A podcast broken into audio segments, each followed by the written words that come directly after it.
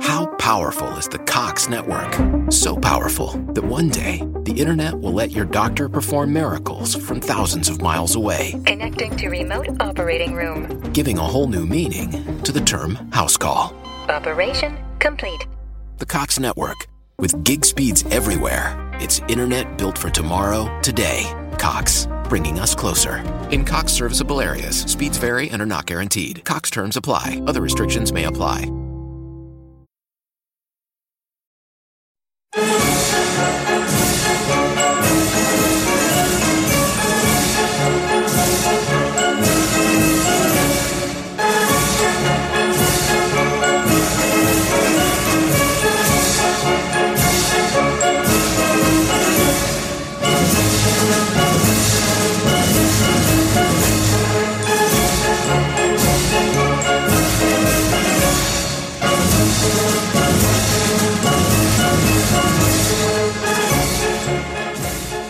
Välkommen till en vandring på gamla och nya stigar tillsammans med Helmut von Moltke. Han blev chef för den preussiska generalstaben år 1857 och var hjärnan bakom Preussens framgångar i krig 1864, 1866 och 1870. Genom hans gärning enades Tyskland och blev ett kejsardöme under Preussens ledning.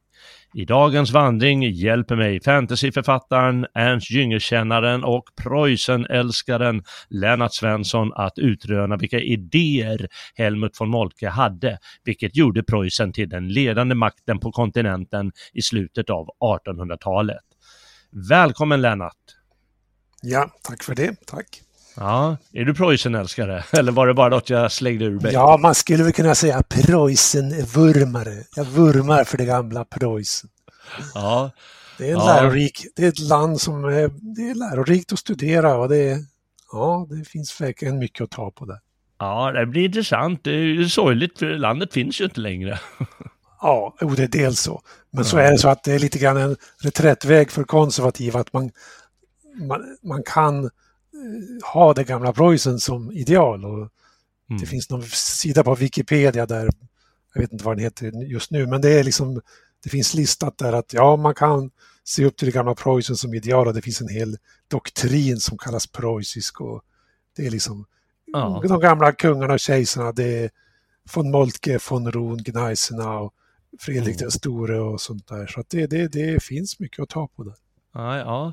Eh, De flesta tänker jag föreställer sig Preussen, ja, liksom eh, lite stelt eh, eller rigid militärt land och liksom aristokratiska junkrar med livegna bönder.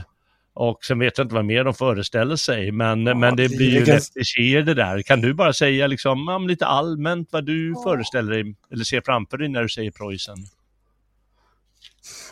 Jag skulle vilja säga att dagens Tyskland är till 60-70 procent präglat av Preussen. Mm. Liksom, det var Preussen som skapade det tyska enhetsverket och det fullbordades 1871. Och sen skapades den moderna tyska staten. Och sen 1918 så kom Weimarrepubliken som skulle vara en reaktion på det. Mm. Men de bevarar ju centralmakten, de bevarar ju Berlin som huvudstad. Och de bevarar ju det här, äh, den, ja, en relativt auktoritär samhällsform och det beror inte på någon doktrin i författningen utan det beror på hur tysken är. Tysken är ordningsam och han är en bra soldat.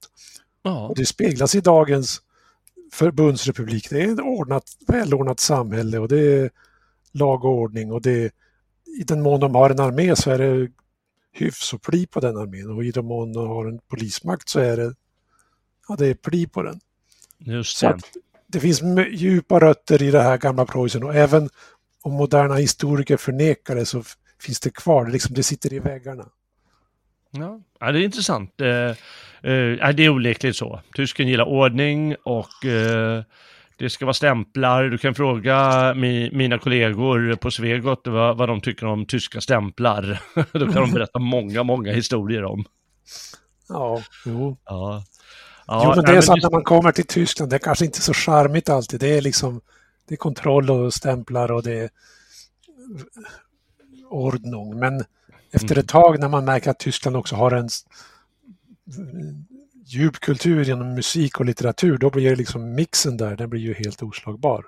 Ja, Just det, nej det är väldigt spännande. Det är klart det är ett spännande land och eh, de här, eh, vad ska man säga, eh, klichébilderna är ju förstås klichéer. Det finns mycket, mycket mer där, eh, där under och det lever kvar på många sätt i dagens Tyskland än som du säger.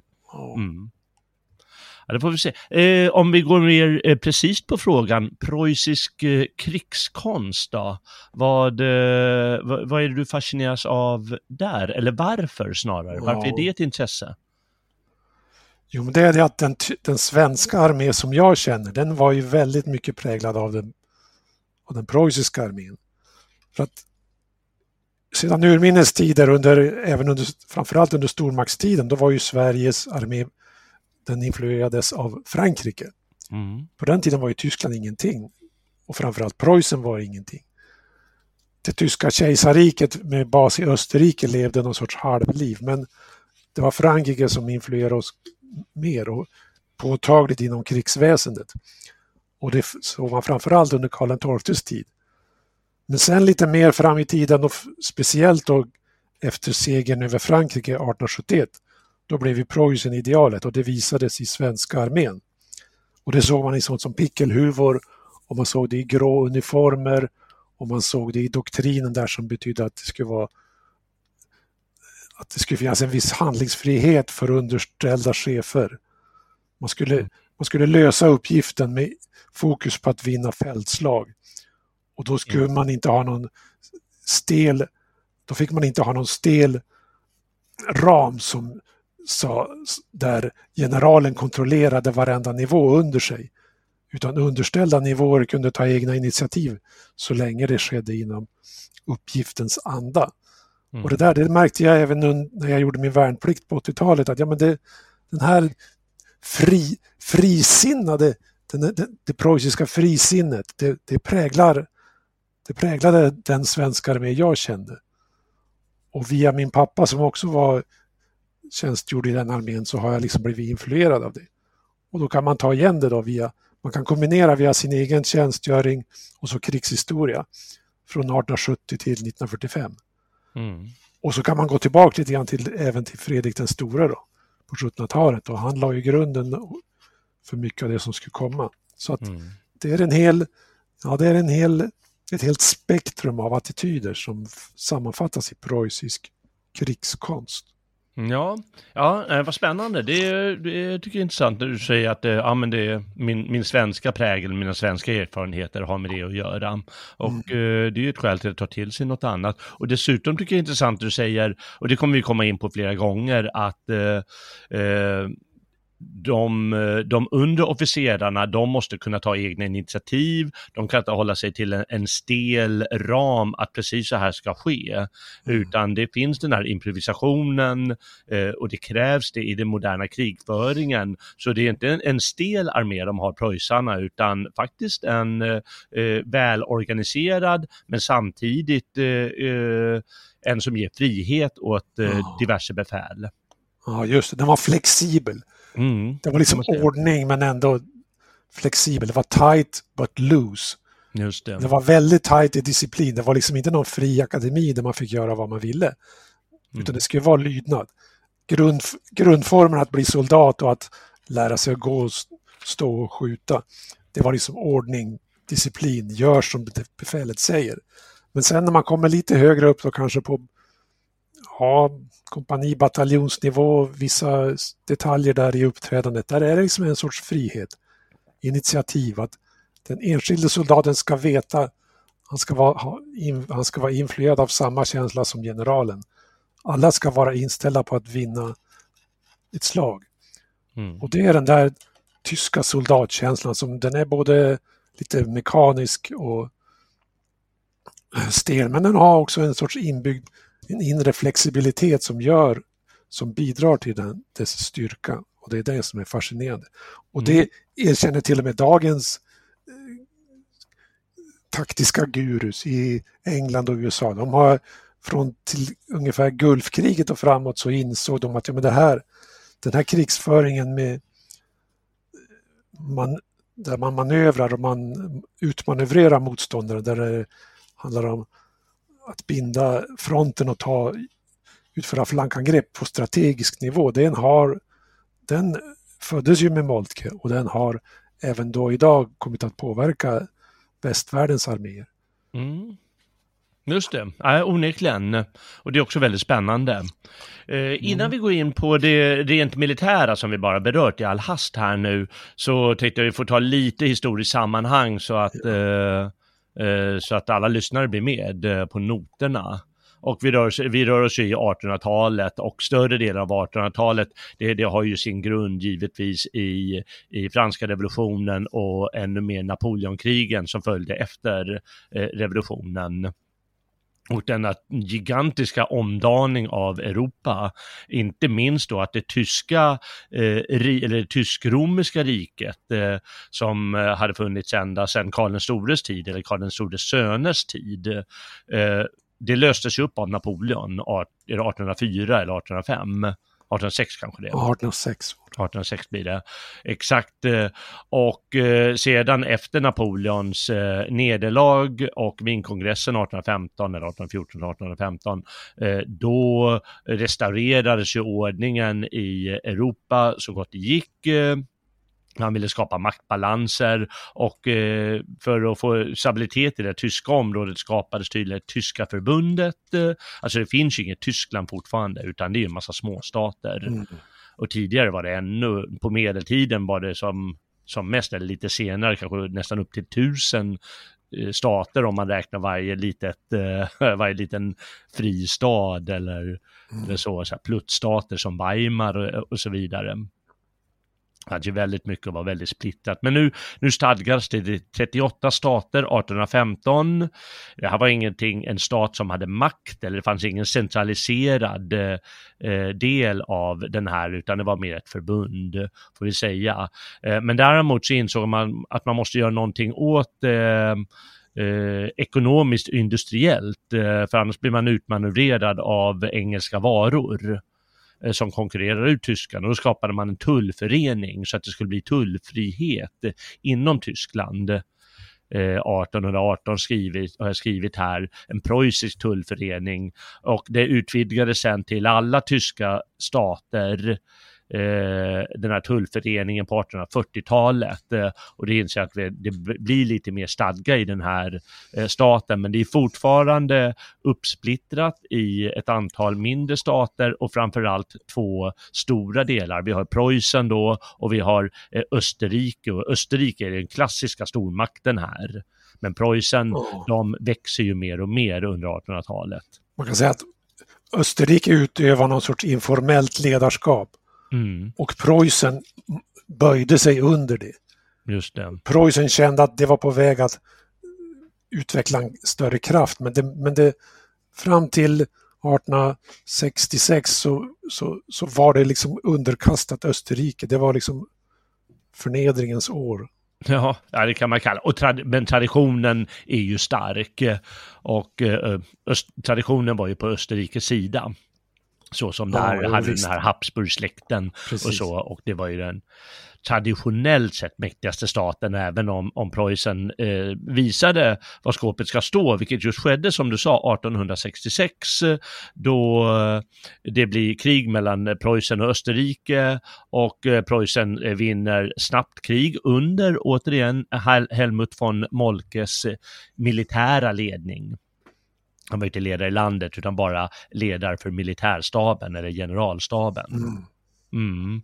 Och eh, då, då växer Preussen att det har ju sin, eh, vad ska jag säga, eh, sitt grundområde där eh, runt Berlin och i östra Tyskland och, och västra Polen. Eh, men sen så annekterades delar av västra Tyskland. Eh, Precis, de hade, de, Wienkongressen så fick de renlandet.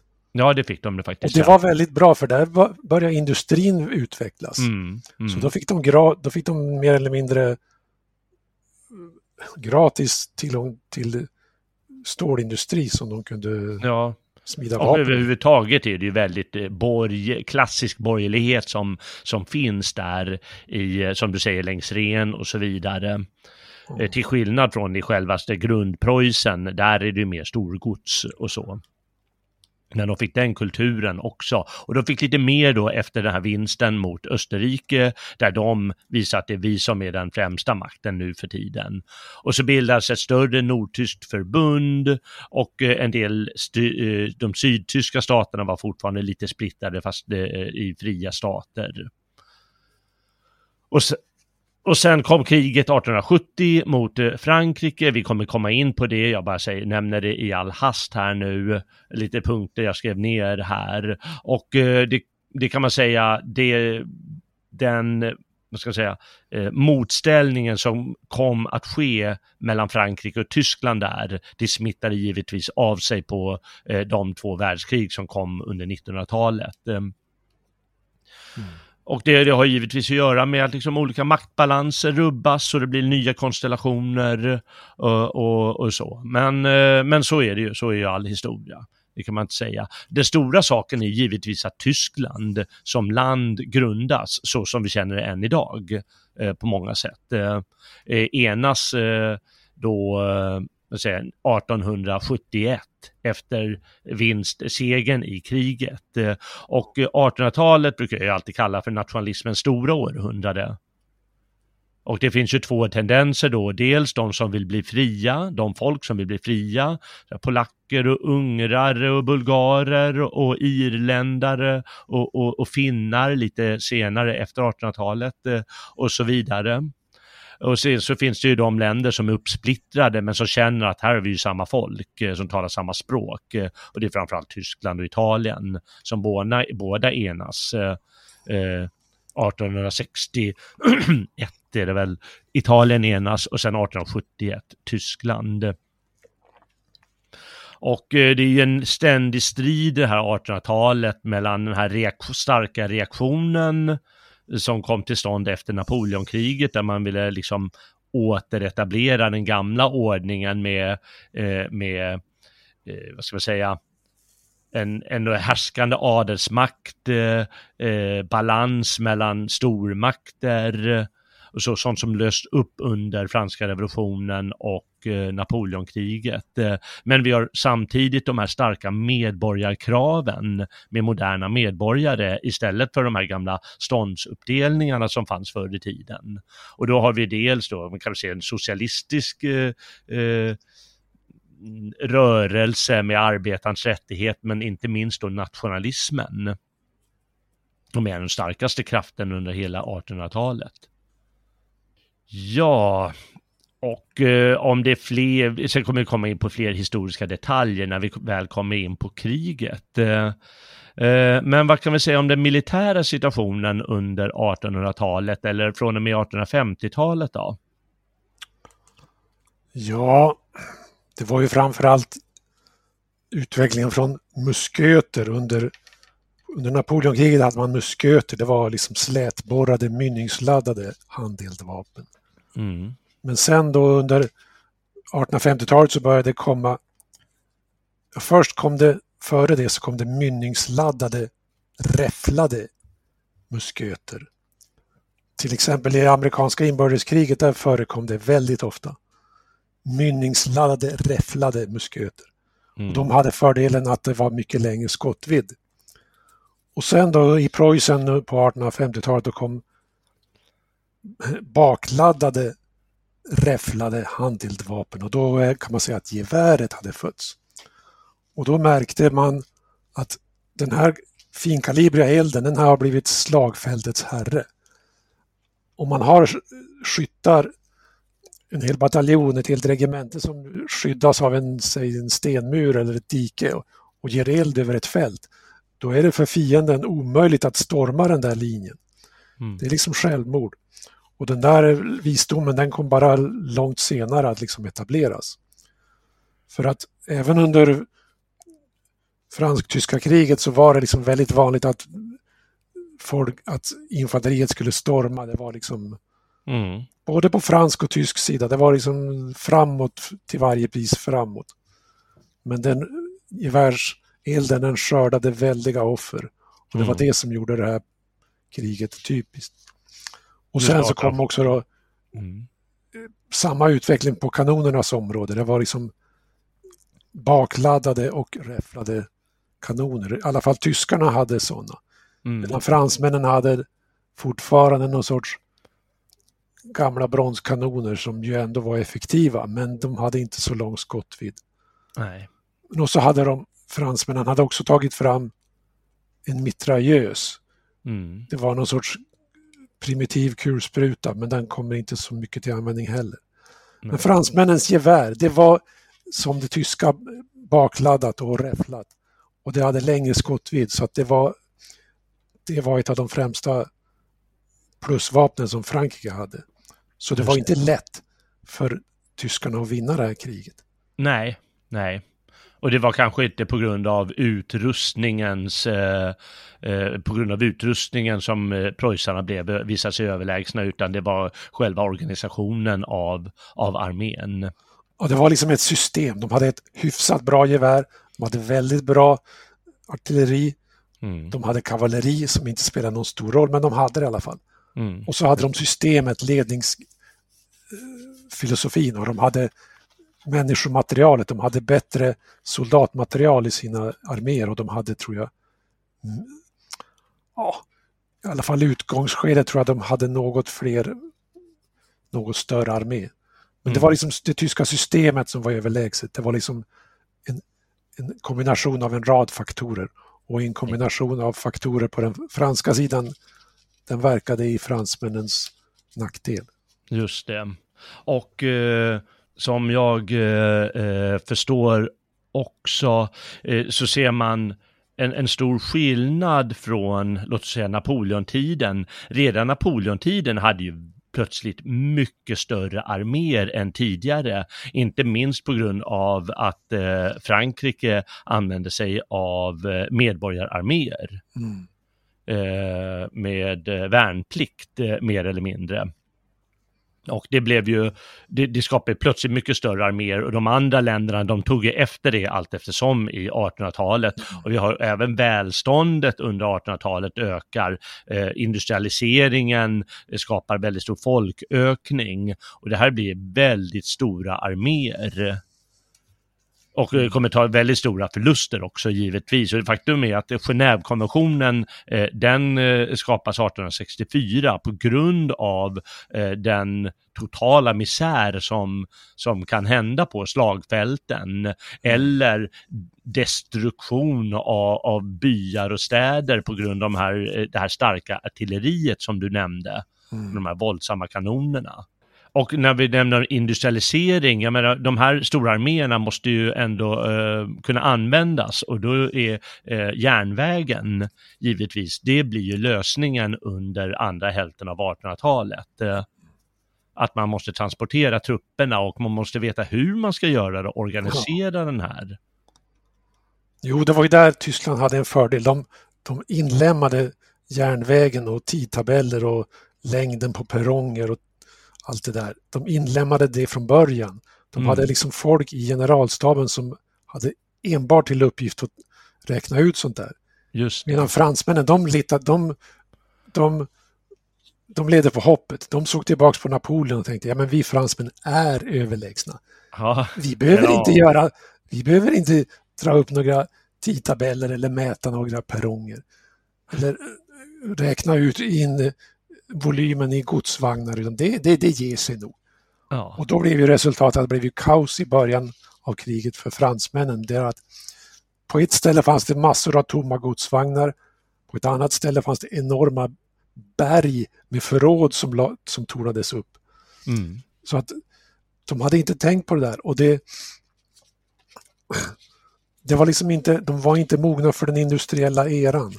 nej, nej. De, hade, de såg tillbaks på medeltiden, de såg tillbaks på den goda viljan, de såg tillbaks på Napoleontiden när man när de när arméernas förråd rövades på platsen. mm, Att om de invaderar Tyskland så lever de på plundrade förråd. mm, Det var regel under Napoleonkrigen. mm, Medan nu under det här industriella skedet som von Moltke eh,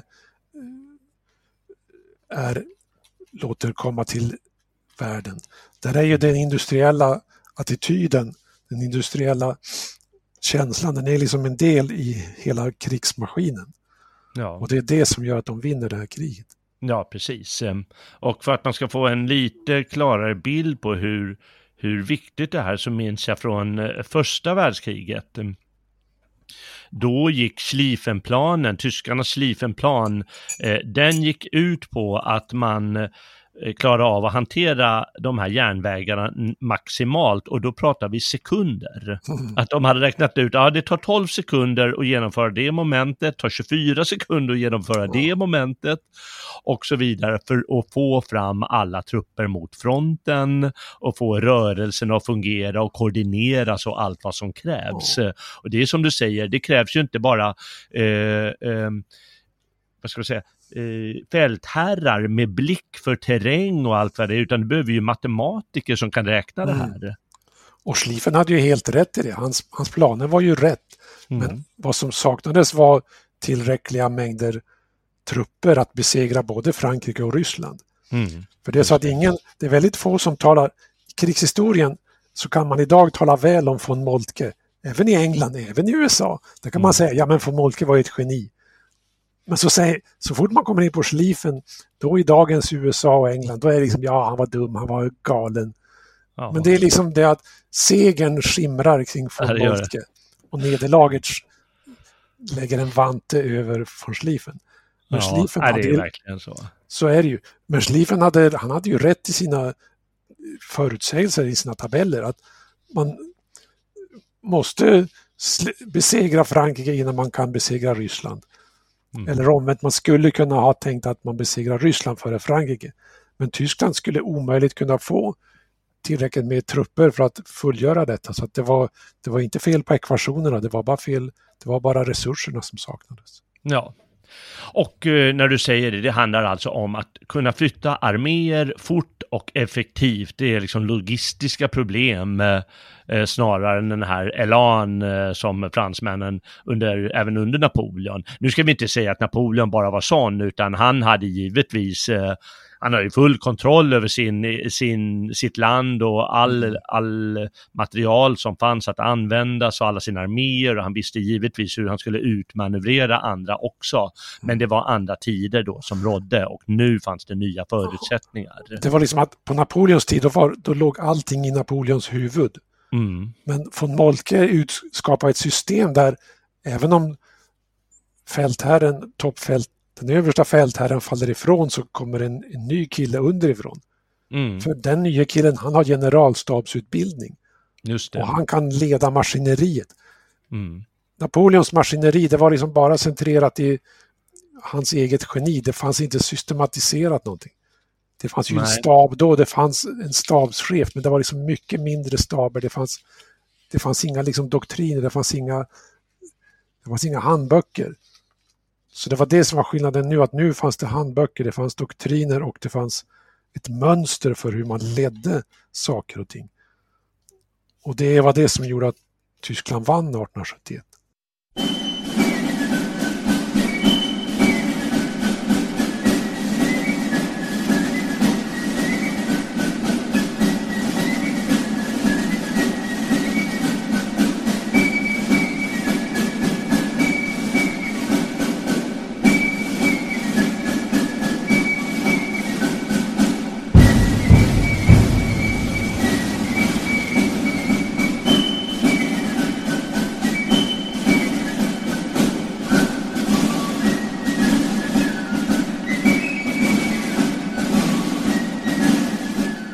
Och då kommer vi in på lite med Helmut von Molke och hans, eh, ska vi kalla det, verk. Eh, inte minst då inom den här överlägsna generalstaben som, som Preussen skapade eh, från och med mitten av 1800-talet.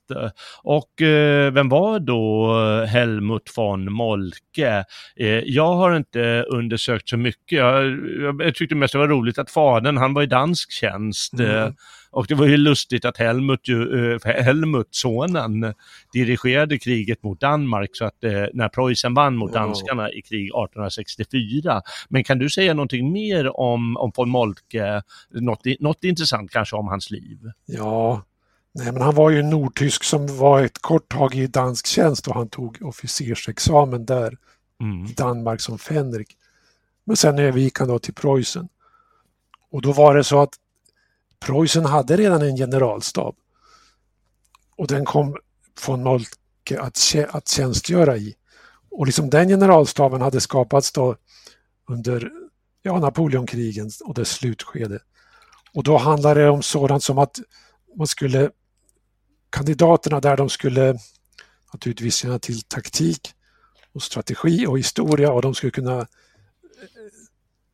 de skulle kunna fält lantmäteri. Det var en del av kursen, fältmätning. De skulle kunna gå ut i terrängen och rita kartor. Det där hängde med långt in i tiden. Det hängde med ända in i första världskriget och där bortom. Mm. Så att det här med att ha en generalstab, det var inte någon ny idé per se, den fanns där redan. Men Moltke han utvecklade den då i den tekniska tidsåldern. Han tillförde krigsplanläggningsavdelning och han tillförde general, eh, järnvägsavdelning och telegrafavdelning. Mm.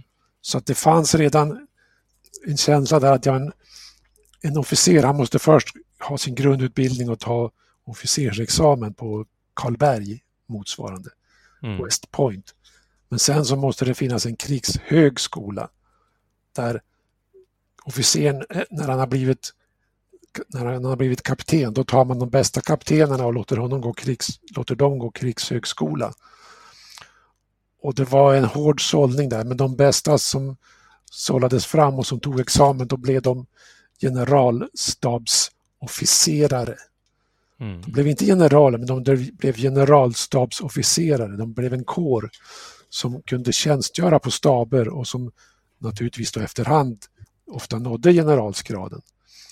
Så det där var en subtil form av att höja officerarnas kunskapsnivå. Det, det tog senare efter av Frankrike och England och USA och även av Sverige. Men det var, det var efter 1870. Mm. Det var efter segern 1871 så det, det var där Moltkes främsta insats låg. Just det. Just ska, det. Ska, vi nämna, ska man nämna något mer om Moltke? Ja, det var det att han, han var i turkisk tjänst ett tag. Han, det var mer anekdotiskt att han Turkiet var i krig mot Ryssland och von Moltke gav råd men turkiska general turkiska ledningen följde inte hans råd men ja, han var i alla fall där och gav goda råd och han, han har skildrat allt det här i en dagbok från Turkiet och han var överhuvudtaget en väldigt bra skribent. Mm. Han, jag har en bok som innehåller hans brev och hans dagböcker från olika resor. Och, ja, det är, liksom, det är som att läsa Isaias Tegnérs brev. Det är väldigt vitsiga brev och det innehåller ja. berättelser. Och... Ja, spännande. Så han var ju liksom en, inom generals, inom krigshistorien så är han en, han var lite grann som Napoleon. Napoleon kunde också skriva noveller och berättelser. Mm. Och Moltke han skrev en gång en novell om, om två vänner under sjuårskriget och det är ja, en rätt spännande novell som, som visar på bredden i hans begåvning. Då. Mm. Ja, vad spännande. Ja, det, det, vet jag ingenting om, men det är nog väl, väl värt att, eh, att, att eh, studera mm. för intresserade lyssnare. Eh, jag har förstått att eh, han, han är förstås även liksom teori om hur man måste hantera sig på, på slagfältet och det har vi redan, eh, hur man måste agera där på slagfältet och det har vi redan nämnt lite grann. Att med de här stora eh, arméerna med så stark vapeneld och med så stora eh, starka kanoner bakom sig så kan man inte ha så här eh, ordnade eh, stora arméer och då så går han istället, så, som pushar på i centrum tills eh, den andra armén så att säga löses upp och, och blir rädda, kastar vapen och, och, eh, och springer därifrån som det har skett i århundraden. Utan då kör han mer kniptångsmanövrar med mindre enheter som du sa också via sin utbildning och kanske erfarenhet eh, kan koordinera med varandra bra. Ja, eh, för det går inte längre att ha kontroll på slagfältet när man har så stora trupper. Eh, så har jag förstått lite att han tänker. Utan man måste ha lite mindre eh, slimmade armékårer. Ja, man måste ha man måste både vara, ha en, man måste vara, alltid vara överlägsen i antal. Mm. Men på slagfält, både när man marscherar till slagfältet och även delvis på slagfältet också så ska man vara ut, utspridda. Mm. För liksom när Napoleon, eller vi kan tänka Karl XII krigar mot Peter den store, då är det en punkt som jagar en annan punkt. Mm. Medan sen då under Napoleonkrigen då blir arméerna större så att det är liksom en, det är som, ett, det är som ett, en amöba som rör sig fram. Det är som ett nät som rör sig genom landskapet på strategisk nivå. Att liksom olika armékårer kan marschera spritt men sen så konvergerar de på slagfältet. Mm. Så att det, det är ju verkligen det är ju lika stora massarméer som under Napoleonkrigen men de måste spridas ut både under anmarschen och, och så sen på slagfältet taktiskt så måste de ibland sprida ut sig för att inte bli, inte bli mål för fiendens eld. Då. Men Mm. ja, det där är en väldigt svår taktisk nöt att knäcka men man måste fortfarande uppträda i samlade förband och det är fortfarande pluton och kompanichefer som ryter åt sina mannar att de ska bege sig dit och dit. Mm. Och det är fortfarande regementschefer och divisionschefer som har staber som skickar ut ryttare som måste säga åt underlydande förband att samlas dit och dit. Mm. Men som en generalklausul i det hela så noterade Moltke att man ska, man ska ha, låta förbanden marschera i kanondundrets riktning.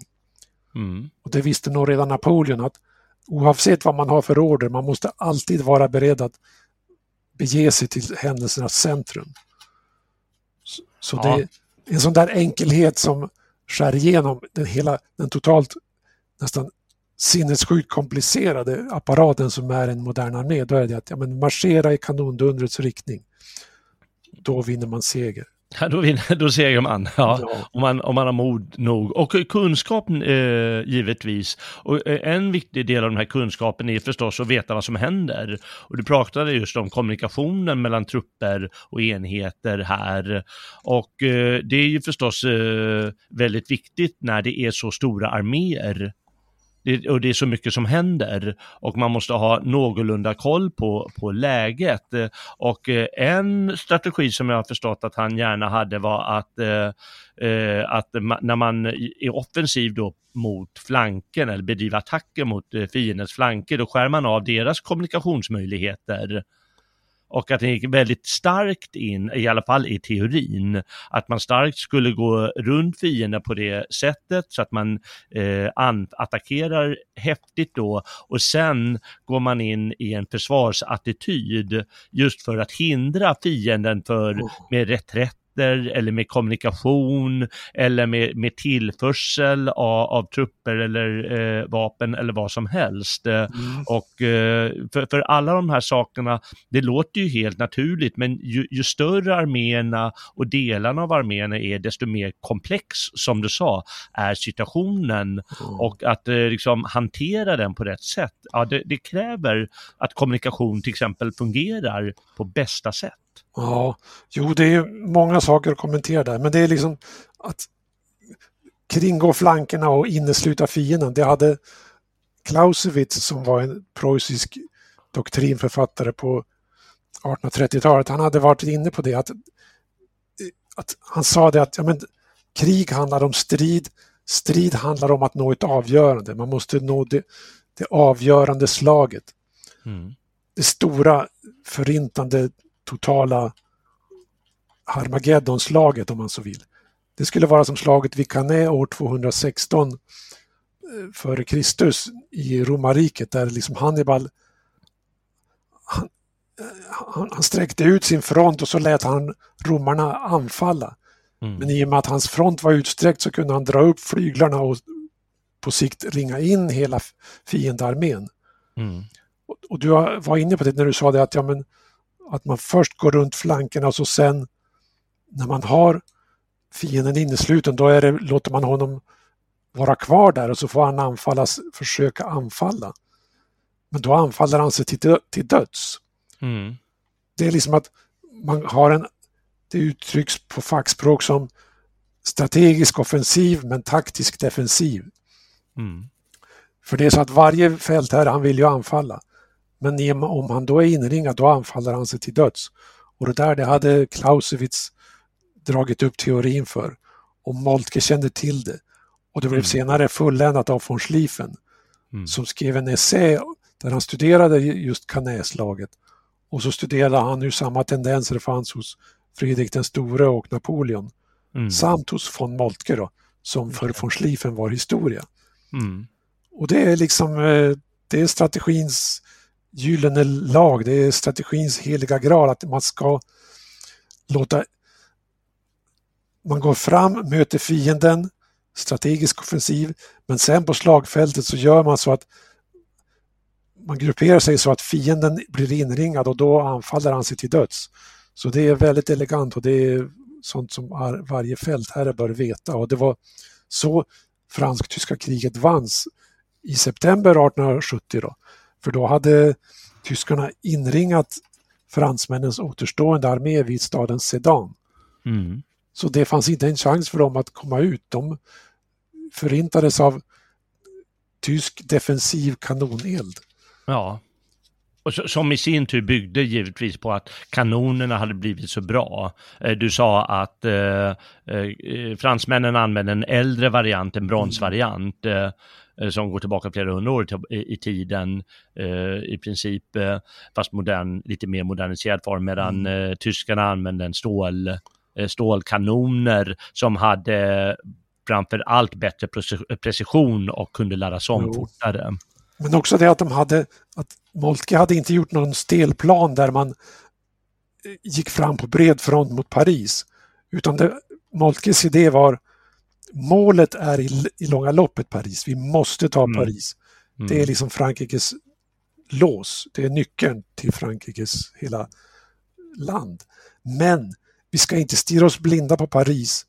För att om vi närmar oss Paris då kommer motståndet att bli hårdare och hårdare för varje meter. Utan istället var det så mål Paris, men en riktning. Riktningen skulle vara fiendens fältarméer. Och då lyckades de märka, då lyckades de finna ut att den sista franska armén som fanns att utplåna, den rörde sig upp mot Sedan. Mm. Och då var det liksom fullkomligt självklart, ansåg Moltke, och han ansåg med rätta att vi ska inte gå till Paris direkt. Vi ska inringa den här armén som är kvar. Och då anser jag att, ja visst, de hade bättre kanoner. Men det var inte kanske det avgörande just där, men det var inte det strategiskt avgörande, men det var naturligtvis taktiskt avgörande. Mm. Men det strategiskt avgörande var att tyskarna kunde inringa Sedan med sitt artilleri och sitt infanteri. De kunde försvara hela inringnings, hela cerneringsringen med infanteri och artilleri. Mm. Och då gjorde fransmännen futila försök att bryta sig ut. De anföll sig till döds. Just det. det, det just var det som var slagets, det var krig, det var i alla fall slutfasen i den första fasen, i den avgörande fasen. Och sen fortsatte det med att fransmännen erkändes inte slagna och de mobiliserade upp milisarméer. Och då, men det, liksom, det, det, det var bara en blodig epilog till det hela. En lång, utdragen halvårslång epilog där de franska arméer dukade under för de tyska arméerna till slut. Just det. Vi, eh, det är ju det mest kända slaget, eh, slaget vid Sedan, eh, där första september 1870. Men det, kriget hade ju börjat lite några månader tidigare och vi kanske ska gå över till just det här Mm. fransk-tyska kriget och nu har vi ju nämnt eh, själva teorin eh, och eh, i, i praktiken hur man försökte genomföra det men liksom inte i detalj här vad som hände just då. Och då ska vi väl kanske titta närmare på själva kriget då. Och eh, eh, det försiggick ju då eh, dels av eh, ett par krig då där Preussen som sagt eh, tillsammans med Österrike först eh, eh, knäckte dansken för att få Holstein eh, eh, till, eh, till Tyskland. Och sen hade man krigat med, med österrikarna och vunnit mot dem.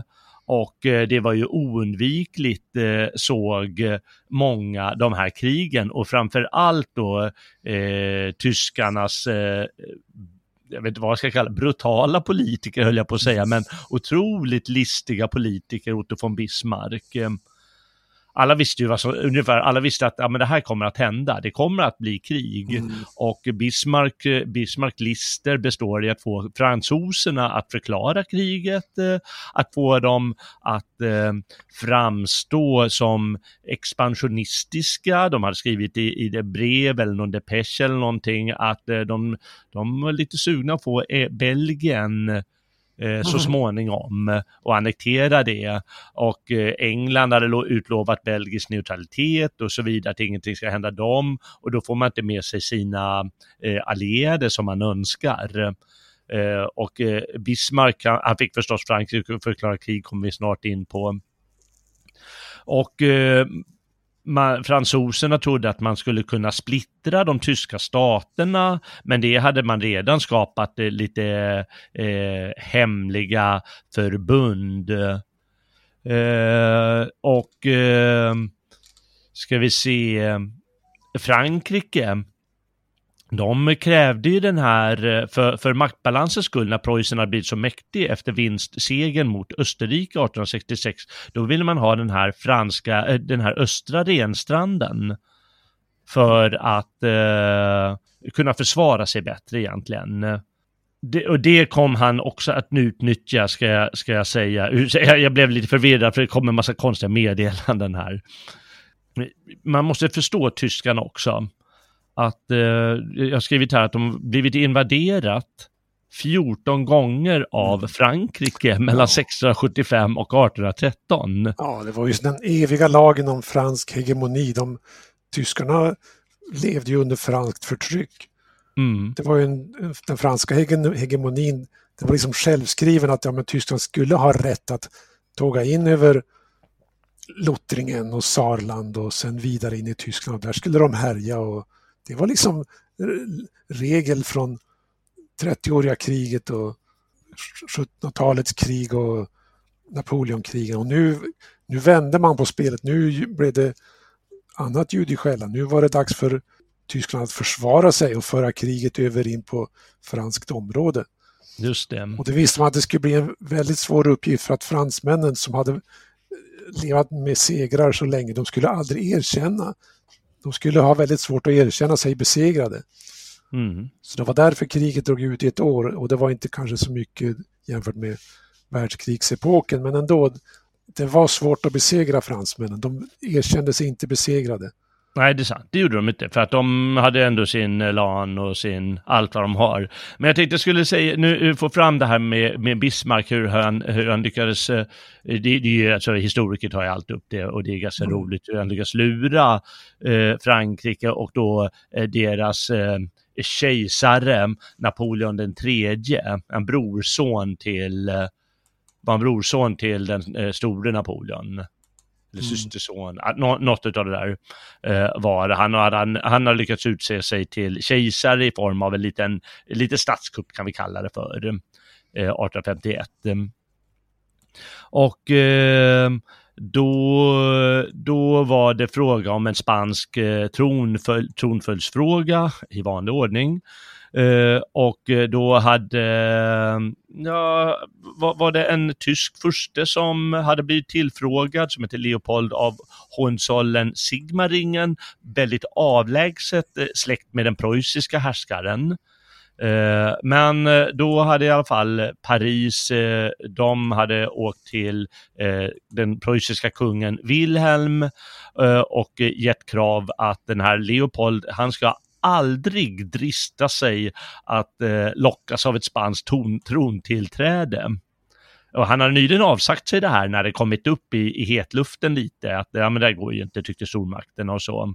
Och eh, då ska han ha svarat eh, Wilhelm, eh, mina släktingar är hedervärda människor. Om de har dragit tillbaka kandidaturen är det inte i avsikt att förnya den senare.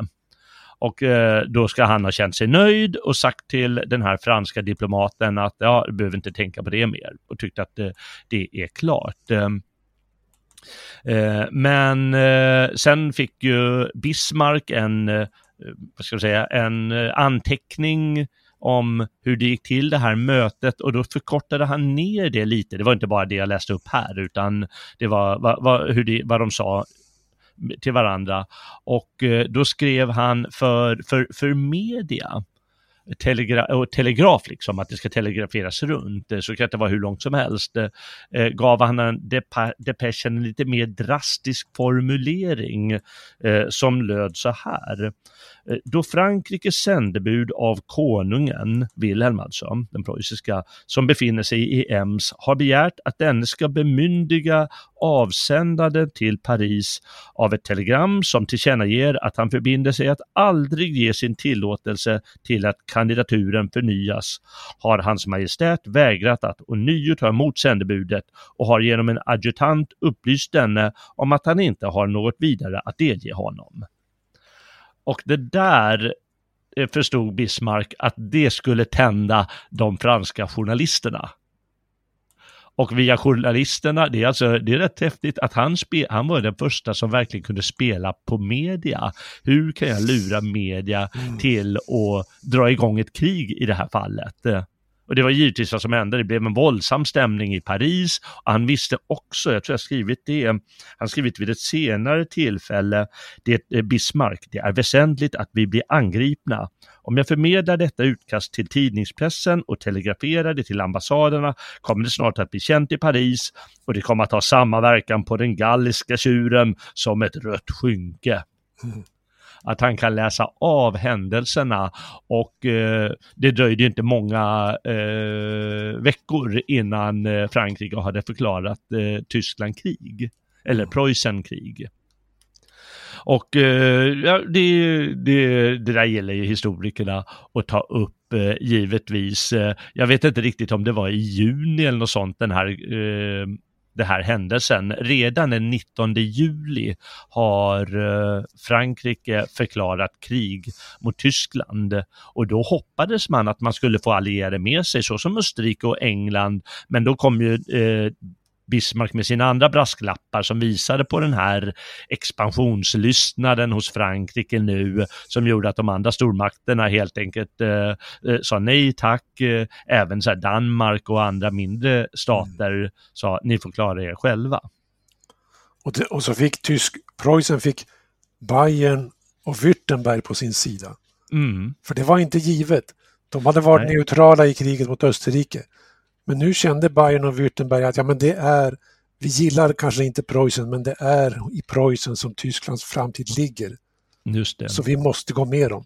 Mm. Bismarck han fick muta Bayerns kung Ludvig, den här konstälskande Wagner-fantasten. Mm. Han fick muta honom med ett antal hundratusen eller miljoner mark och då kunde Ludvig vara nöjd och då kunde han bygga nya slott och drömma sig bort. Det avgörande var att han måste ställa sitt land på Preussens sida. Det var, och det var en, ett streck i räkningen för Frankrike. De hade, Napoleon III hade trott att han kunde charma Bayern att gå med i Frankrike, men så lätt gick det inte. Nej, nej. Och eh, Frankrike här, de inte bara hetsades till krig på det här sättet, utan de, som du sa förut, de trodde att det här är någonting, det är bara att rida in och eh, göra slut på dem. Att vi, vi hade en fin plan att de skulle gå, gå in i Frankrike och så splittra de här delarna då, de sydtyska staterna, Bayern och så främst, eh, och de nordtyska och sen så ska det här samarbetet mellan de olika staterna splittras och då kommer kriget lösa sig självt eh, mm. ganska snart av politiska skäl. Mm. Eh, och de trodde dessutom att de hade bättre resurser än de hade. Och som du sa att det är, vissa förråd kunde vara överfulla och andra kunde vara tomma.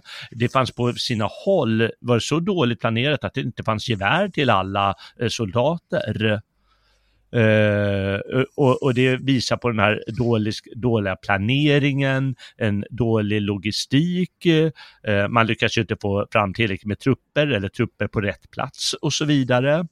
Uh, och även så inom armén så hade tydligen alla inte så stor respekt för officerare det var den här demokratiska andan som rådde, att vi är alla Mm. medborgare och det är liksom vi medborgare som har vunnit armén åt Mm. Napoleon eh, tidigare.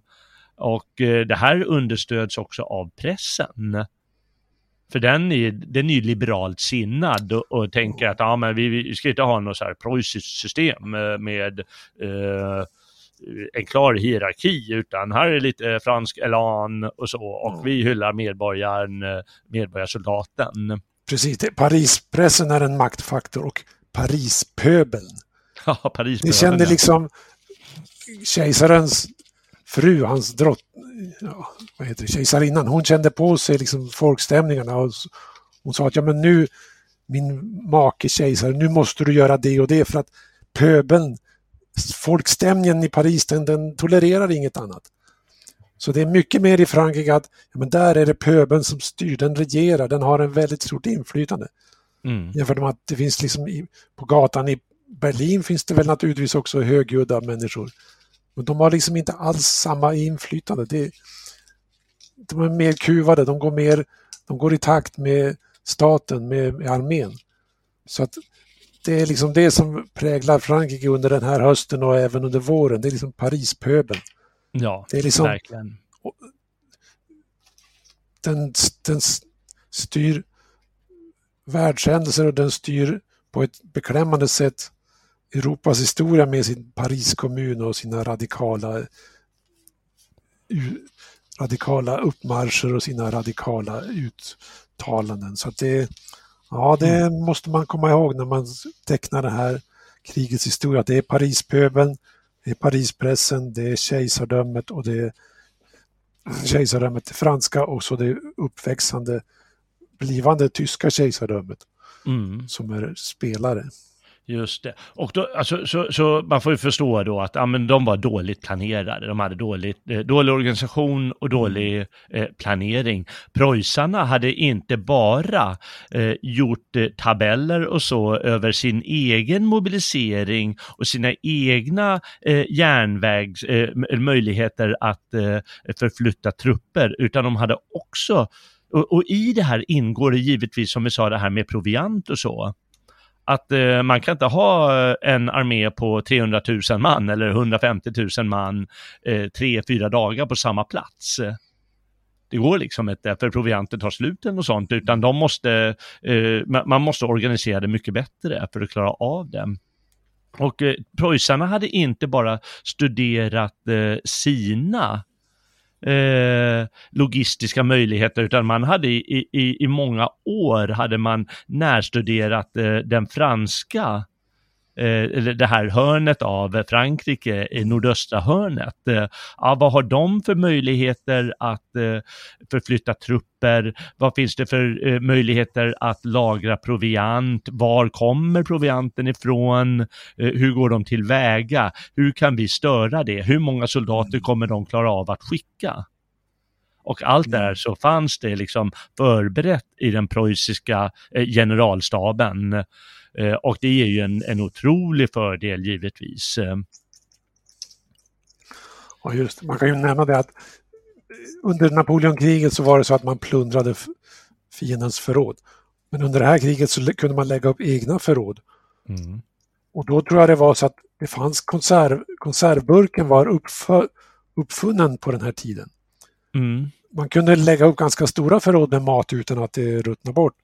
Mm. Och då var det naturligtvis konservburkar med kött, corned beef och allt vad det kallas. Plus då kex, knäckebröd. Det var baslivsmedel. Mm. Men det liksom fungerade ju. Hade man studerat så hade man studerat de här frågorna innan så var det ju inte någon, liksom någon jättesvårt konst att ro i land med. Nej. Men man måste bara ha tillräckligt många som sysslar med det i generalstaben och man måste ha tänkt på det. Ja. Och så det, det var ju ju... så att jag ser det på Wikipedia att det fanns ja 1817 fanns det eh, konservburkar och det fanns ja det fanns klart eh, i användning under fransk-tyska kriget eh, dessa konservburkar så arméerna i fält behövde ju kanske inte direkt svälta men ibland så var det så att med till exempel dålig fransk logistik så kunde de bara vissa dagar äta kex Mm. och de var tvungna att plundra i eget land men i regel så hade arméerna något att äta och det fanns inget fältslag heller som inte blev av på grund av att de inte hade kulor. För att fransmännen var ju dåliga på logistik men de hade ju ändå trots allt när kriget kom igång då i augusti att då hade de fått någorlunda ordning så att de var ju inte utan kulor och krut när de väl stred. Nej, eh, det, det var det inte. Vi, vi, det, var inte jag menar, det, det krävdes ju ändå ett krig. Det var inte så att de bara kunde rulla in eh, tyskarna. Men, Ja, men det var precis. ändå en, en stor eh, skillnad får man säga i, i planeringen. Eh, Och den stora, eh, vad ska man säga, man kan nästan säga att eh, planmässigt förlorade kri- eh, eh, fransoserna kriget eh, redan från början eftersom det blev ju aldrig att eh, de började invadera Tyskland utan det var ju tyskarna som lyckades mobilisera eh, sin armé så mycket snabbare att de kunde börja rulla in eh, på, på, franskt, på fransk Ja. mark. Jo, men det var ju det att när kriget bröt ut då trodde fransmännen, ja men nu om några dagar så är vi i Berlin. Mm. Och då hade fransmännen gjort en liten inryckning i, jag tror det var Saarland, Mm, som är Lottringen. Som är den lilla hörn av Tyskland som man kan nå utan att behöva gå över Ren. Mm. Och då ryckte fransmännen in där men sen måste de retirera. Och sen stod det ett slag som hette slaget vid Wört. Och det var mer eller mindre oavgjort men fransmännen måste retirera. Mm. Och det där det skapade en hel total chock i Paris. Genom pöbeln, genom Parispressen. Mm. Paris var i chock och kände att ja, men nu är det något på gång. Preussarna är överlägsna oss. Det är liksom alldeles orimligt. Vi, fransmännen, slagna i, på fältet av tyska barbarer. Men de, ja, det var verkligen så. Men de fick Ja. lära sig läxan. Ja, jag läste någonstans att eh, kejsarinnan, eh, Frankrike, alltså hon, hon skrev till någon, eh, nå, någon eh, i, övre, övre befälen där att nej för guds skull, eh, han kan inte återkomma till Paris när de kommer, de kommer flå dem levande. Ja, exakt. Jo, det var väldigt eh, avgörande på vad, hur hon styrde det och hur hon kände folkstämningarna. Mm. Ja, det var ju förstås eh, annorlunda än den, eh, den mer slimmade eh, preussiska militärstaben. Och jag ska säga samtidigt också att jag, jag läste den här brittiska militärhistorikern Fuller. eh, och han säger att ja, eh, det, menar, allt fungerar inte perfekt för tyskarna heller. Det ska man ju ha klart för sig. Det var inte så att de bara rullar upp allting och fransoserna gjorde eh, bra motstånd så gott de kunde. Eh, även, om, eh, även om kriget ganska snabbt var över eh, så, så var det ändå, tyskarna åkte på stora förluster. Men man har ju så stora arméer, det är som du sa förut, man måste ha övertag, man måste ha stora arméer så att man kan dels ta förluster och dels eh, eh, genomföra de här operationerna som du, som du har nämnt. Eh.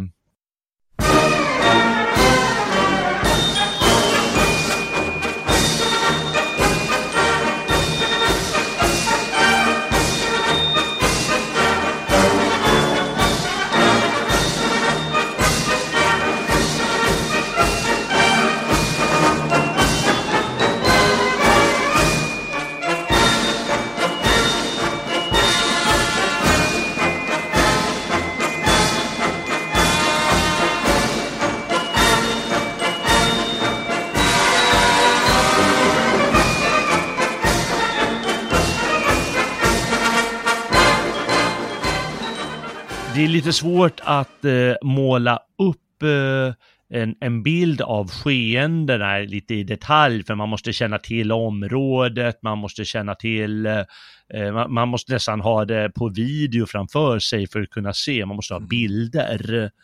Men, eh, men har du någon, du nämnde det här slaget vid Wört som eh, preussarna vann då. Och då är vi i början av augusti tror jag.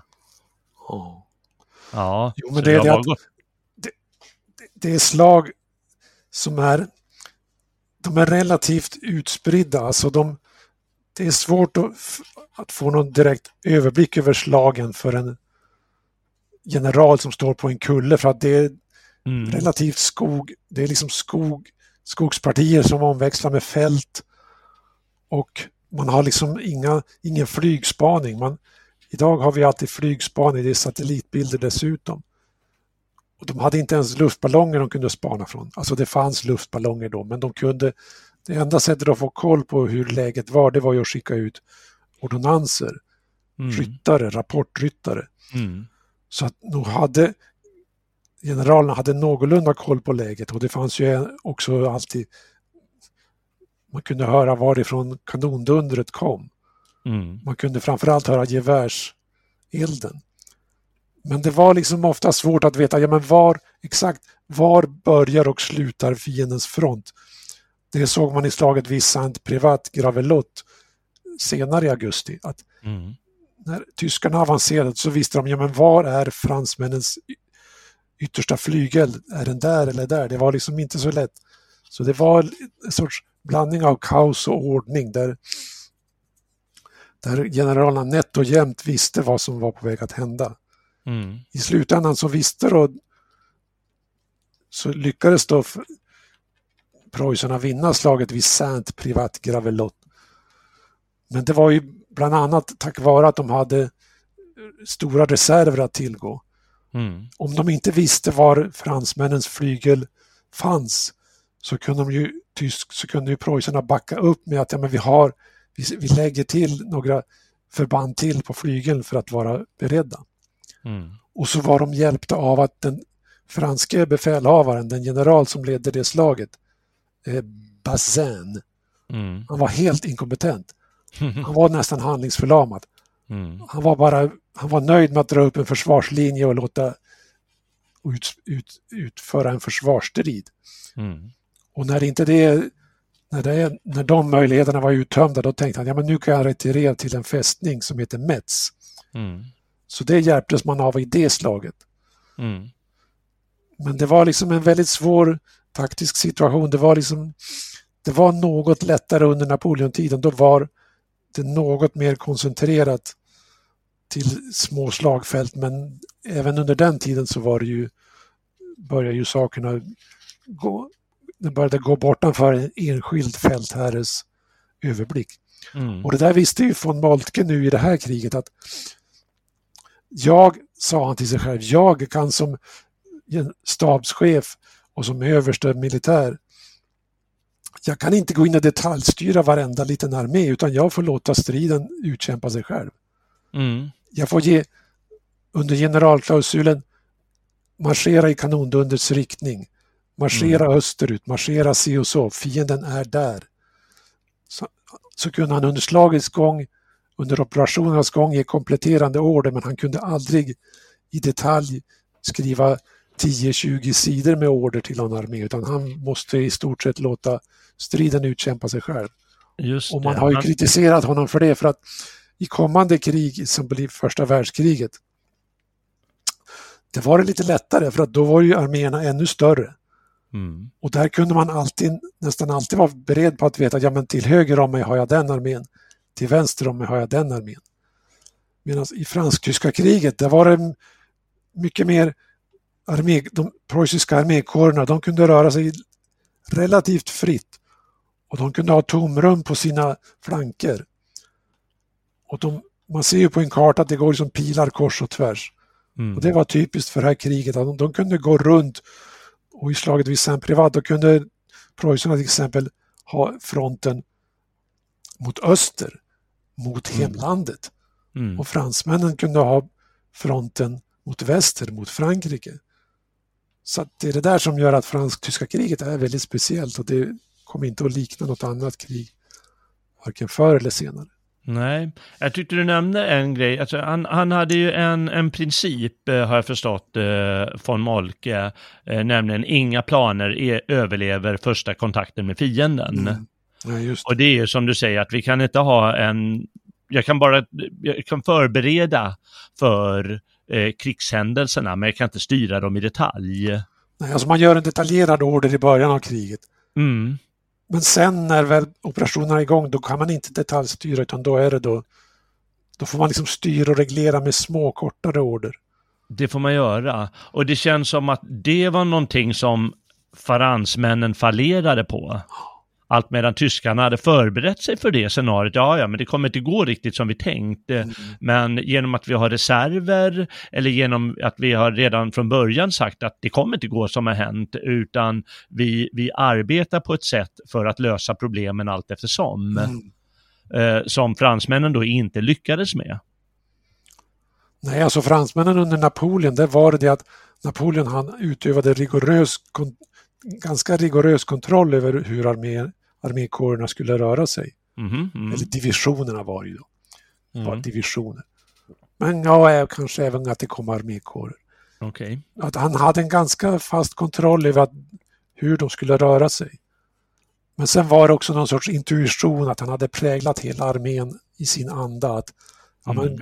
Gå alltid till anfall, det, det lönar sig ja. alltid. Just det. Engagera alltid fienden.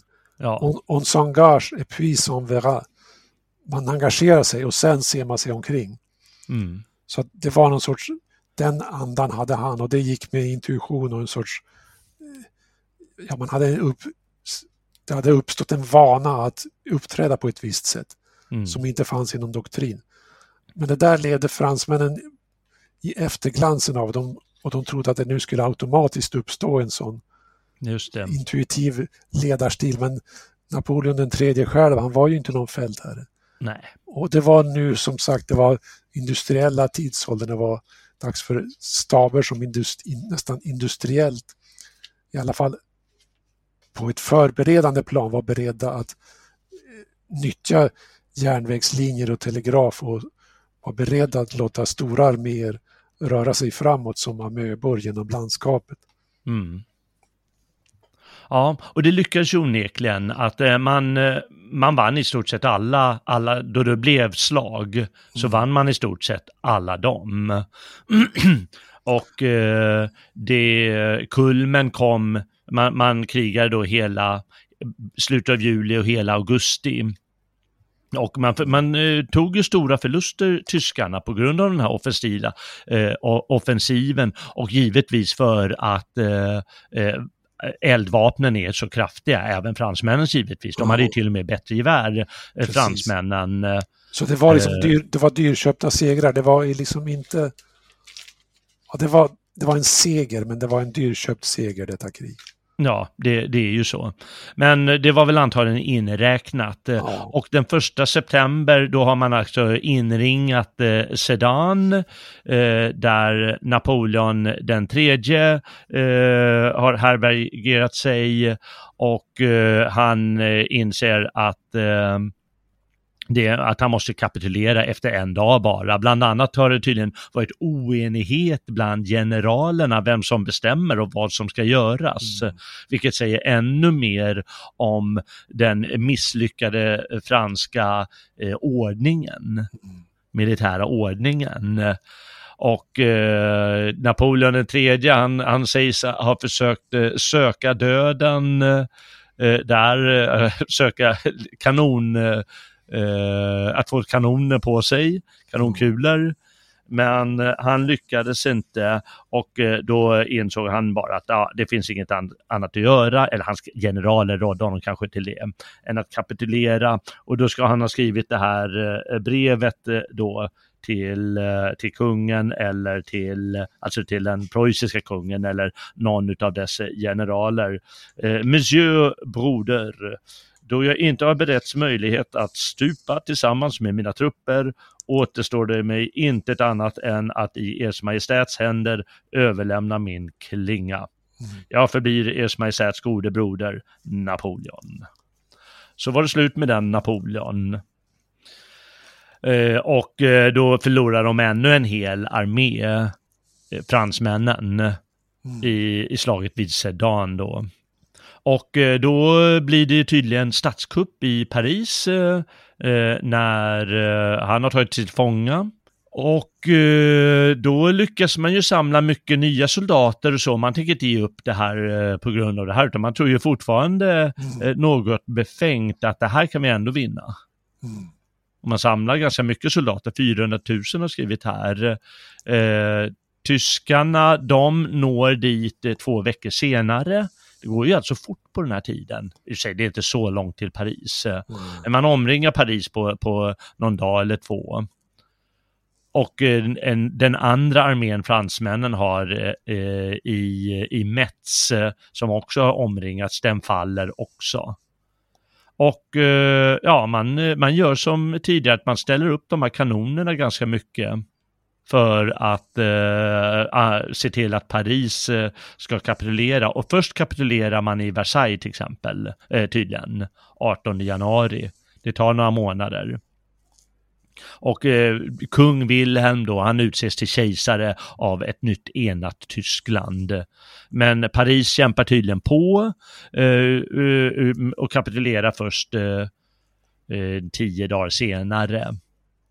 Eh, på grund av tyskarnas, väl framför artilleriet som, som gör mm. susen. Ja, så var det kriget slut. Man måste faktiskt säga att det, det, det gick ju fort det tog tre månader bara. I princip tog det väl bara en månad. Mm. En jo, precis. Det, var, det tog hösten där och sen var det slut fram in, en bit in på nyåret. Mm. Men då fortsatte det i Paris med diverse uppror och Paris kommun och... Ja. Och då, men det var liksom en, en intern fransk fråga att Precis. slå ner den. Men ja, det gick, det gick väl på ungefär sex månader. Mm. Och då kan man jämföra med under tyska anfallet på Frankrike 1940, då var det sex veckor. Mm. Det var liksom nästan liknande att eh, fransmännen är sturska i början och att men det här klarar vi. Only mm. Sora, vi ska ta dem. Men sen så märker de till sin förfas att ja, men tyskarna de står 100 kilometer från Paris. Jaha. Nu är det något som är fel. Ja. Så det är väldigt liknande saker där. Jag tycker det är del i samma process till att jag menar, I och för sig lyckades fransmännen rycka upp sig 1914 och de gjorde motstånd mot tyskarna på övertygande sätt. Mm. Men jag tycker ändå att på sikt Frankrike har sett sin kulmen. Frankrike hade sin kulmen under medeltiden och under Ludvig den XIV och, och sedan Napoleon. Mm. Men sen är det liksom på nedgång. Och sen ja. anser jag att ännu är Tyskland på uppgång. Tyskland är hjärtlandet i Europa som det kommer att utveckla sig under de följande tusen åren. Jag tror inte att Frankrike åter kommer att bli den ledande landet utan det är Tyskland som är, även om det idag är kuvat så tror jag att Tyskland ändå i framtiden kommer att bli det ledande landet i Europa för det ligger ju mitt i Europa. Mm. Och det är ju 80 miljoner, det är mycket större än Frankrike. Mm. Och det är Tyskland som har liksom hegemoni över Östeuropa, den del mm. av Östeuropa som vi behöver, det vill säga Polen, Tjeckoslovakien och eh, ja, Ungern. Just det. Medan däremot Ryssland behöver inte, det är inte Europa, det, de kan ha sin egen utveckling. Och det, det, är ju eh, bo, både Europas eh, ekonomiska och industriella nav, eh, ja. Tyskland givetvis. Och det är just det här med industrin och eh, att hantera naturvetenskapen, eh, det är ju avgörande i det här kriget. Ja. Och det har ju tyskarna excellerat i de senaste 150 åren. Ja sådan verksamhet. Med, både med artilleriet eller hur man ska använda järnvägen eller hur man liksom ska organisera allting på ett modernt sätt. Eh, ja. En del av min toti, en del av, av avsnittets titel heter ju En uppvisning i modern krigföring ja. och det föds ju eh, genom Molke. I, framförallt, eh, han visar hur det ska fungera i det här kriget. Hur man använder alla de här saker i en modern värld. Mm. För det är inte Napoleons tid längre. Det är, liksom, det är den totala, det är den totala mobiliseringen och det där upptäckte ju under första världskriget Ludendorff att man måste organisera hela samhället för krig. Mm. Liksom fackföreningar, industrier, hela mm. befolkningen, mm. kulturlivet allt ska vara jordbruket, allt ska liksom organiseras för kriget. Och sen skrev Ernst Jünger en bok som heter då Die, Die totale Mobilmachung. Just det. Och sen under andra världskriget, engelsmännen gjorde exakt samma sak. USA gjorde exakt samma sak. Sovjet mm. gjorde exakt samma sak. Mm. Men det var grunden till det hela lades i Tyskland. Det var genom Clausewitz, von Moltke och Schlieffen och Ludendorff. Samt Mm. naturligtvis då under andra världskriget av Adolf Hitler.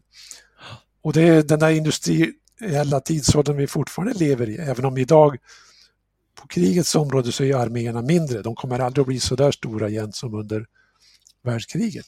Nej. Men det är liksom industriell krigföring som är grunden och man måste ha arméer som kan lösa uppgifter från den menige soldaten upp till generalen. Alla ska vara influerade av samma anda, alla ska vara skolade i uppgiftens natur. Alla ska kunna ta initiativ inom uppgiftens anda. Mm. Och det, det där kom först i preussiska armén och det finns idag i alla västvärldens arméer. Mm. Så det lever vidare, det är inte dött. Det är mycket vital tradition som fortfarande pulserar i hela västvärlden, hela Europa. Mm. Antagligen en nödvändig eh, eh, syn på hur man ska organisera militären i och med att vi fortfarande lever i en sån en form av industrialiserad värld. Mm. Jag kan ju inte säga att jag tycker att det är särskilt vackert eh, med total mobilmachung och så hur hela samhället ska organiseras kring kriget. Eh, Men det är så det funkar, det kommer Ja. inte ifrån och det är därigenom man vinner. Och det är antagligen det enda sättet att vinna. Det visar ju i alla fall de här eh, stora krigen som har, som har skett på 1900-talet. Eh, Ja. och eh, slutet av 1800-talet då i det här kriget. Eh, Ja. Nej, men som sagt, det där, den där stora mobiliseringen med, med massarméer med värnpliktsbas, det kommer, nog inte, det kommer ju inte tillbaks. Men ändå att ha liksom en industriell nivå där, där, liksom, där de bästa männen har de bästa maskinerna Mm. och de bästa maskinerna nyttjas av de bästa männen. Det sa ju Ernst Jünger i, i en bok på 20-talet. Och det gäller samma sak idag. att Alltså nu är det ju svårt att säga vem som vinner kriget mellan Ryssland och Ukraina, men det är ju liksom vilken sida man än tittar på så är det liksom hög industriell standard. Ukraina har stöd av västvärlden, Ryssland är Ryssland och har enorma resurser som det är. Men det är ju fråga om industriell krigföring i det att de måste, det är liksom på sitt sätt topp topptränade soldater på båda sidor. Det är liksom inte tredje världsarméer som skrig, krigar mot varandra. Mm. Då hade det kriget varit över på en månad. Nu Nej. är det ju två industriella stater, Ukraina och Ryssland, och då det gör att kriget blir lite utdraget. Men det är fråga om industriell krigföring och det är industriell högstandard. Det är inte några gerillakrig där det eh, rusar några AK-beväpnade grupper som slår till i natten och sen återvänder utan det är industriell och stabs, generalstabsmässig krigföring så som ja, även Vietnamkriget vanns ju så i slutändan. Mm. Det var liksom, man måste ha generalstaber, man måste ha en hel kader, en hel klass med eh, ledningsmässigt utbildade officerare som hjälper generalen att vinna slaget. Och det var von Moltke som grundade det hela och det lever vidare. Ja, ja, det gör det. Och eh, eh, Helmut von Moltke, eh, hans öde, eller hans släkts öde, var, hur, hur var den? Ja, jo, man kan ju konstatera att han var en segrare och han, han hyllades av kejsarrikets Tyskland som den store arkitekten. Men han hade inte några egna barn, men hans bror ärvde hans gods då i, ja, vart det nu låg, Kreisa. Och då kom det så, hände, hände det sig då att den greve Moltke som, den Moltke som var greve under nazitiden, han blev motståndsman mot Hitler. Mm. Så att då kan man säga att ja, då fick den eh, släkten en något märklig utveckling. Men eh, redan under Moltke den äldres tid så hade de haft kontakter med, de hade gift sig med engelska fruar och de hade kontakter med engelska adeln så att det hade grundlagts redan på den tiden då det här förräderiet. Mm. Så det är en liten historisk fotnot till det hela. Okej, ja. Men annars så kan man säga om Moltke att det finns ju statyer över honom i Tyskland och de statyerna står kvar och det finns Bismarck-statyer och de står kvar. Man Mm. har ju inte den här ide idiotiska draget i Tyskland att riva ner statyer. Som man har i inte USA. än i alla fall. Nej, inte än, men jag tror inte det, det kommer aldrig bli samma grej. Det, det är liksom Nej. Moltke och Bismarck, de tillhör berggrunden. Det är liksom Tyskland är Moltke och Preussen.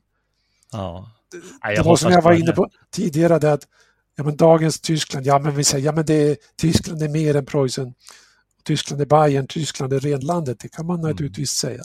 Mm. Men jag tror att genom att den, den tyska centralmakten utvecklades i Preussen så har det satt en preussisk prägel på hela Tyskland.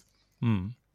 Ja. För det har ju, man märker det, om man har en stark ledning, en stark politisk centralmakt, den präglar liksom samhället på alla plan.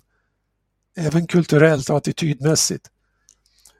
Och då kan man se att liksom tyska militärer, tyska generaler under världskrigsepoken, de var inte alltid från Preussen.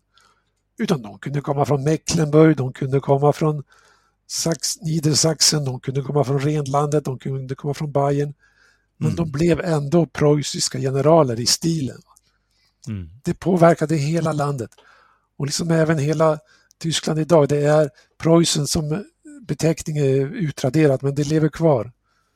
Det heter, vad heter idag heter det, heter Brandenburg och Vorpommern och Mm. men det är liksom preussiska andan lever kvar och det är därför för att återknyta till det du sa i början, liksom varför intressera sig för Preussen? Jo, för att Preussen är Tyskland och det lever kvar. Mm. Ja, eh, jo, vi får hoppas eh, att eh, statyerna lever kvar också. Mm. Och för den som vill eh, eh, titta på eh, lite spännande, ska jag kalla det, bilder eller så från, från det här kriget så kan man ju åka till Berlin och, och det kommer ju inte rivas i första hand Siegessäule.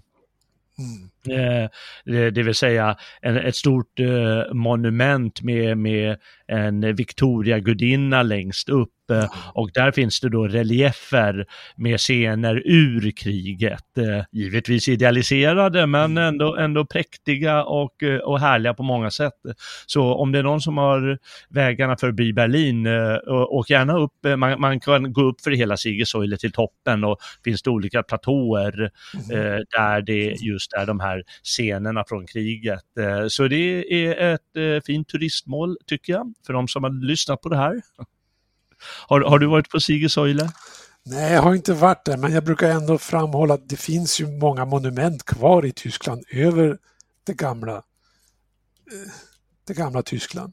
Mm. Det är liksom Hermann-statyn i Sydtyskland. Det finns något, något slags nästan grekiskt tempel som heter, heter det Valhalla? Eller? Valhalla heter det. Ja. Ja. Mm. Och det finns liksom monument över slaget vid Leipzig. Det finns många helt otroliga arkeofuturistiska skapelser som, som ändå präglar landet. Mm. Och i Berlin där har man ju återuppbyggt det gamla kungaslottet i Ja, man. centrum. Mm. Och då kallar man det här ett museum. Och det är det. Men det är liksom symboliskt så är det ju den preussiska storheten som är återuppbyggd. Så det, Mm. det finns mycket kvar och det, det finns ingen väg tillbaka. Det Nej. går inte att göra. Vi har det liksom haft DDR, vi har haft fula kongresspalats i Berlins centrum. Det är borta nu.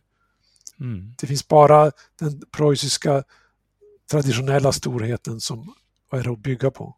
Mm. Det finns Judiska museet, det är inte vackert. Nej, har ju, eh, vansinnesmonument. ja, de gör sina försök att, att Ja. co-opt, att parasitera och göra om det. Men det, ja. det är ingen som dras dit. Det, Nej. man kan fortfarande lyfta på hatten över Fredrik den stores ryttarstaty på Unter der Linden. Så att Ja, det, ja.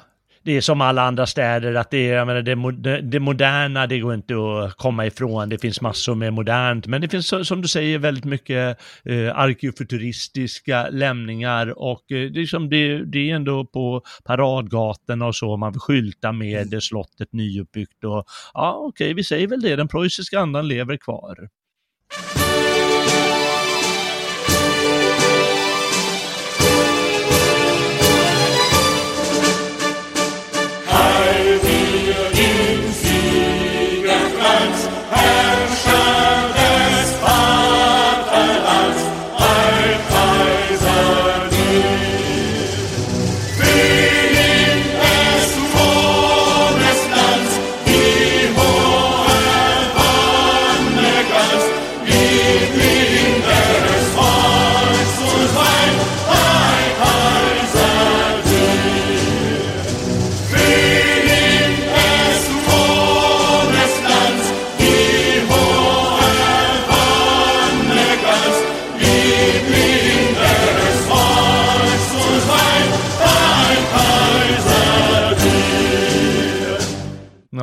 Ja, vi hoppas att det fortsätter så och eh, hoppas att du eh, återkommer eh, till stigarna eh, framöver någon gång. Mm.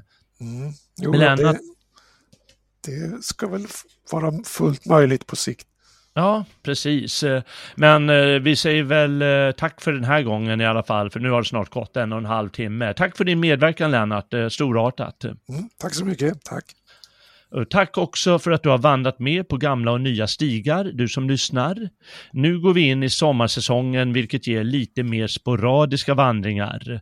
Den närmaste tiden, troligen i ett par månaders tid, blir det lite glesare mellan vandringarna på gamla och nya stigar på grund av barn som kommer till världen mm, och en förestående flytt vi får räkna med att vi inte hinner med varje vecka, men varannan ska vi nog ha kraft att genomföra en uppfriskande vandring. Då är det bara att ta staven i högsta hugg för spännande äventyr på stigarna. Tack också eh, till alla stödprenumeranter som gör det här möjligt. Du vet väl att du kan stödja Svegots verksamhet genom en stödprenumeration eller en donation? Ifall du vill bidra, gå in på svegot.se och klicka på stödprenumeration eller donera i skärmens överdel eller via de tre strecken på mobilen. På svegot.se kan du också se alla våra andra program och tidigare avsnitt på gamla och nya stigar. Jag heter Jalle Horn och säger tack för idag i väntan på nästa vandring.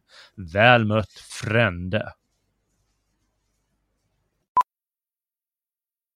How powerful is the Cox network? So powerful that one day the internet will let your doctor perform miracles from thousands of miles away. Connecting to remote operating room. Giving a whole new meaning to the term house call. Operation complete. The Cox network. With gig speeds everywhere, it's internet built for tomorrow, today. Cox, bringing us closer. In Cox serviceable areas, speeds vary and are not guaranteed. Cox terms apply, other restrictions may apply. Spring into savings at your neighborhood BJ's. From April 25th to May 22nd, save $4 on select skincare products only at BJ's, like Neutrogena makeup remover wipes, Beach Defense sunscreen, and retinol regenerating cream. Lubriderm 24 hour non greasy moisturizer, and Aveeno Daily Moisturizing Lotion. Save April 25th to May 22nd with select skincare products at BJ's. Visit BJS.com for more information.